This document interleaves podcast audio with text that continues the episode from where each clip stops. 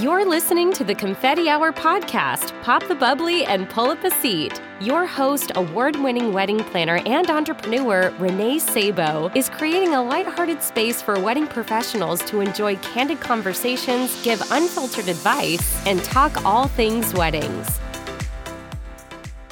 Confetti Hour Squad, I'm so excited to share that we are now on Patreon, and I am calling on you to help support our show with a small contribution of $3 per month or 75 cents per episode. Your support goes towards the professional maintenance of the show, allowing us to continue to bring on reputable wedding professionals weekly to share their incredible journeys and tangible tips to help professionals like you and me elevate our services. I hope you will consider this small contribution to help our show, and you can head on over to patreon.com slash the confetti hour to check out more details about becoming a patron. Hi, Confetti Hour Squad. Welcome to this week's episode of the Confetti Hour podcast. As you know, I'm your host, Renée Sabo, and this week I wanted to bring you a solo episode to talk about something that has been definitely weighing on my heart. I haven't been sleeping over it. I just have a feeling that this is the start of a bigger conversation. And I wanted to bring it to you in the format of my verbal thoughts, what I want would spill on paper if I like to type and blog. But, you know, as I always say, this is kind of my version of blogging. So basically, today I'm talking about the second wave. I think that we all sense it coming, and I'm not just talking about coronavirus. I'm talking about how the second wave is going to affect the wedding and event industry. It could be very easy for us to be naive about what's coming. But if we learned anything from learning how to be crisis managers in our business and companies, we have the ability to plan ahead right now and get in front of what is likely coming for our industry. So I'm sitting here recording. It is the day before this episode will air. So it's October 28th. We're end of October and we still don't have a vaccine. We have absolutely nothing to give us comfort for the following year about what this world is going to look like. And just like we're feeling that, so are our clients. You know, there is a large group of couples who postpone their weddings. They either did get married this year and, you know, are saving the big celebration to come. And some of them actually held out and they want that moment to be next year when they have this large celebration. And I can only imagine how disheartening it feels to be midway through fall and still have no guidance and no hope that things are going to look better for next year. And I'm primarily talking about the spring and summer, but I definitely think that this is something that's going to affect our lives until at least 2022, 2023. This is a major shift in so many of our businesses and the wedding industry as a whole. It would be naive of us to think that we wouldn't be feeling effects from this for years to come. So, with these clients, that have postponed their events or canceled their events or postponed their weddings, you know, whatever market you serve. I think something that we have to keep in mind is the reason that they postpone their celebrations is because of the level of investment that is at stake. And because of that level of investment, they don't want a wedding that is a COVID wedding or a COVID event. And as a vendor and as a partner for our couples and our clients, I think we have to really remember that when this second wave comes to fruition because it can feel easy for us to say, I think everyone's freaking out a little too soon. You know, we had that with the first wave, but unfortunately, we weren't freaking out too soon. It was the case that this was going to be a massive nightmare. So I think the first thing that I wanted to mention when diving into this topic of the second wave is for venues and vendors to understand that because we have gained a lot of experience dealing with the pandemic over the last eight months. And we saw a lot of jumbling for companies and businesses figuring out how they were going to handle this with their clients. And to be honest, being on the planner side, I saw how emotional and how stressful that was for my client and for me there are hundreds and hundreds of contracts and vendors that I've had to deal with personally. And I imagine a planner that does volume had to deal with it even more. And it really shines a light into who's a team player and who is trying their best to find a middle ground here. Listen, I am completely understanding that this pandemic didn't just happen to our clients. This happened to us too. And I absolutely believe in standing your ground and if they are looking for things outside the scope of what they were hired for or, you know, there are things that have come up and plans have changed and that changes your pricing, I think it's absolutely worth the conversation. But the way that my couples would reply typically, they would want an honest conversation about it and they would want to be told from the start. So don't beat around the bush. Plan for this next second wave and get ready for how you're going to deal with it.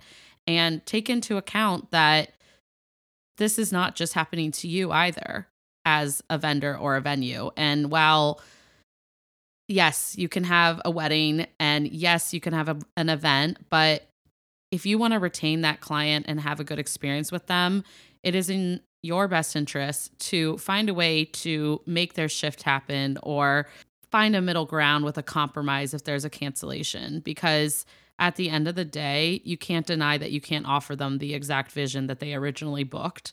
And for all of our services, that looks very different. But I do think that the second wave of this, dealing with couples who are already fatigued by this pandemic, they're not going to put up with it anymore. They're not going to want added fees unless it's something that they have decided is worth the added fee. So moving locations or, you know, figuring something else out that's going to keep their guests safe or, you know, finding alternatives to make the event special because we can't have a dance floor. Like those are areas that I think make sense for added investment. What isn't going to make them want to keep their celebration is are really high fees that don't feel appropriate. I think there just has to be a balance. And so I would urge our entire industry, the you know, the 3000 people that tune in to my podcast occasionally just to think about that because listen, I get it.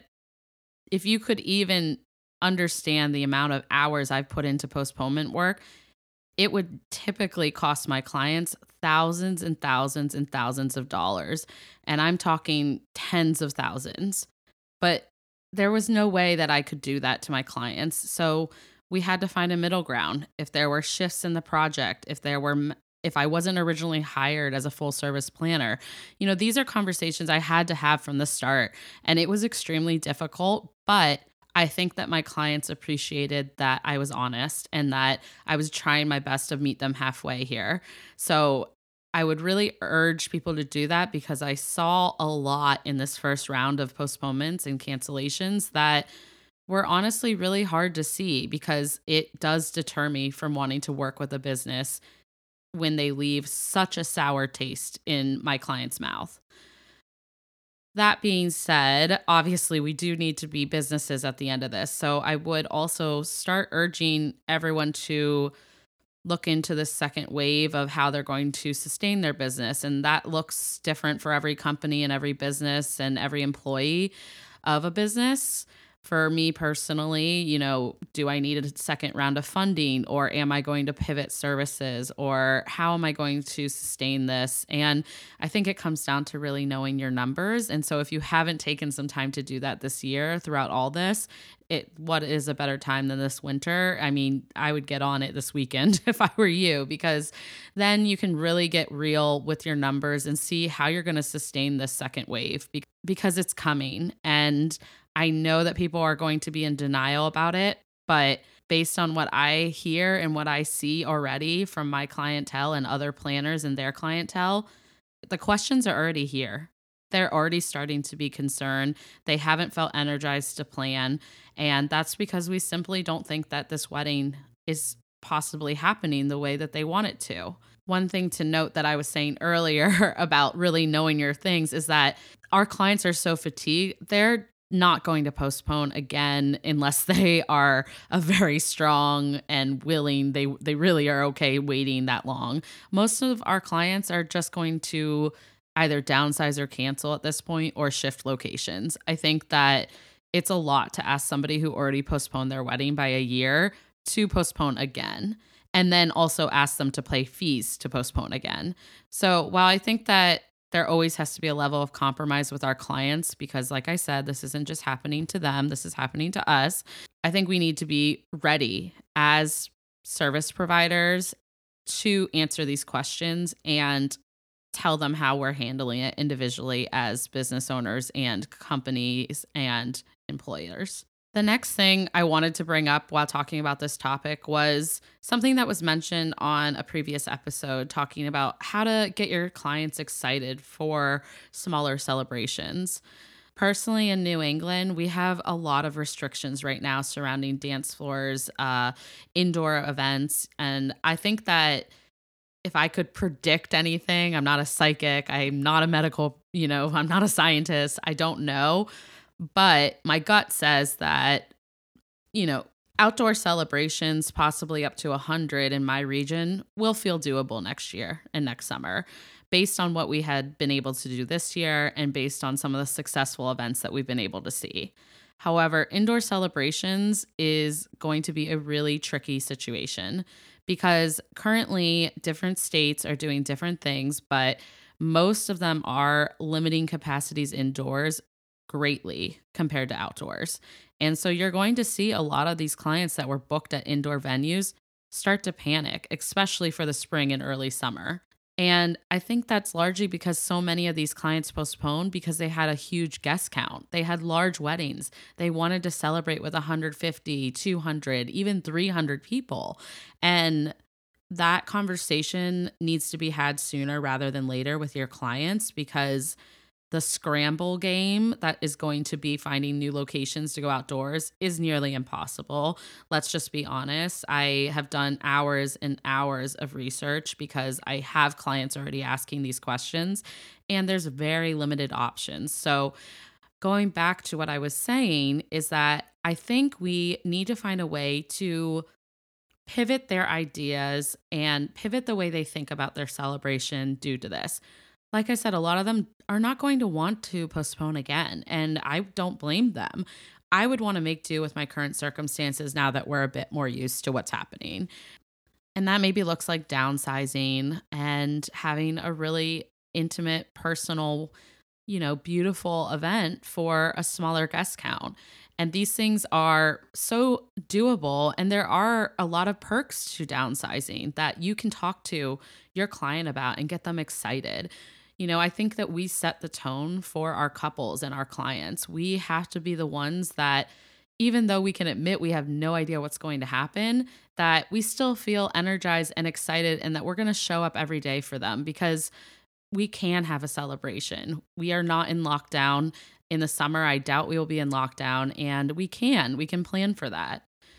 Obviously, there are some stressful questions that are going to come up about contract clauses and cancellations and postponements. And like I said, I think the most important thing is that you know how you're going to approach these situations and that you have an attorney, honestly, uh, that has walked you through building that contract because whether we like it or not, the second wave is coming something else that I just want to mention as I come off my last point is that not every process is and every vision change is going to look the same for our couples and our clients and that's usually the same across the board so i know it's something that we're all used to but I do think that we have to be prepared for that because there is a level of customization when it comes to pivoting or postponing or canceling people's celebrations. And so so I was just wanting to give some examples, but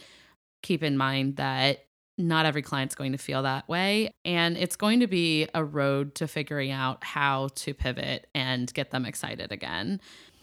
Anyways, I wish I had all the answers. I will be navigating this myself and I will hopefully get to chat with some of you on social media and in the different communities that I'm in. But I just wanted to jump on here to share my thoughts and feelings of what I've been seeing so far as we get into winter and really talk about how we need to prepare ourselves because because it's coming. And honestly, the only upside to it all is that we've already experienced this round one.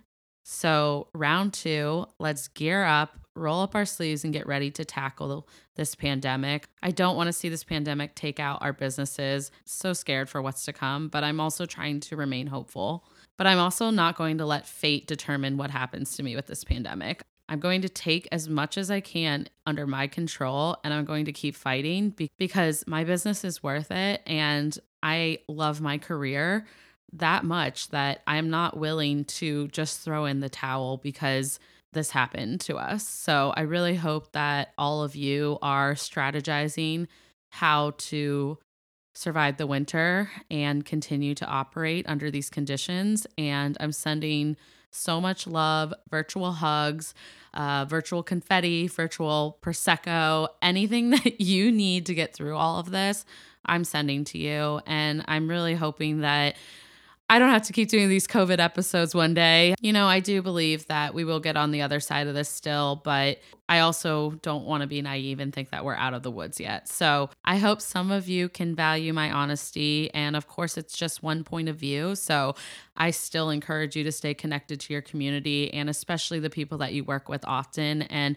you know, even talk to each other about how you're going to handle this second wave because it hopefully can go smoother than the first time around. I, I, have no doubt that we have all grown so much since March, April, and June that in our clients have too. So I really think that we have it in our powers to fight back a little bit more than we did the first time around. So that's it for this week. And thank you guys for tuning in if you got this far. And I will be back next week with a special guest, and we're going to continue to talk about smaller celebrations and how to make them special because as I mentioned, I don't think that this is a conversation that is going away anytime soon, hopefully sooner than we we hope, but you know, it's still really awesome to hear from inspiring professionals who are finding a way to make their clients get excited and feel special right now. As we bring this episode to a final end, of course, I want to remind you to please subscribe so you can stay tuned for future episodes. And if you're tuning in on Apple Podcasts, I would love if you would leave a review for our show, or if you want to head over to Facebook and leave us a review on the Confetti Hour podcast, that would also make us very happy. Do you know a fellow wedding pro who might love our podcast? Screenshot this episode, tag a friend, and tag us at the Confetti Hour on Instagram. All right, guys, that's it for this week. I hope you're all doing okay, and I look forward to connecting with you over on social media. Chat with you guys next Thursday.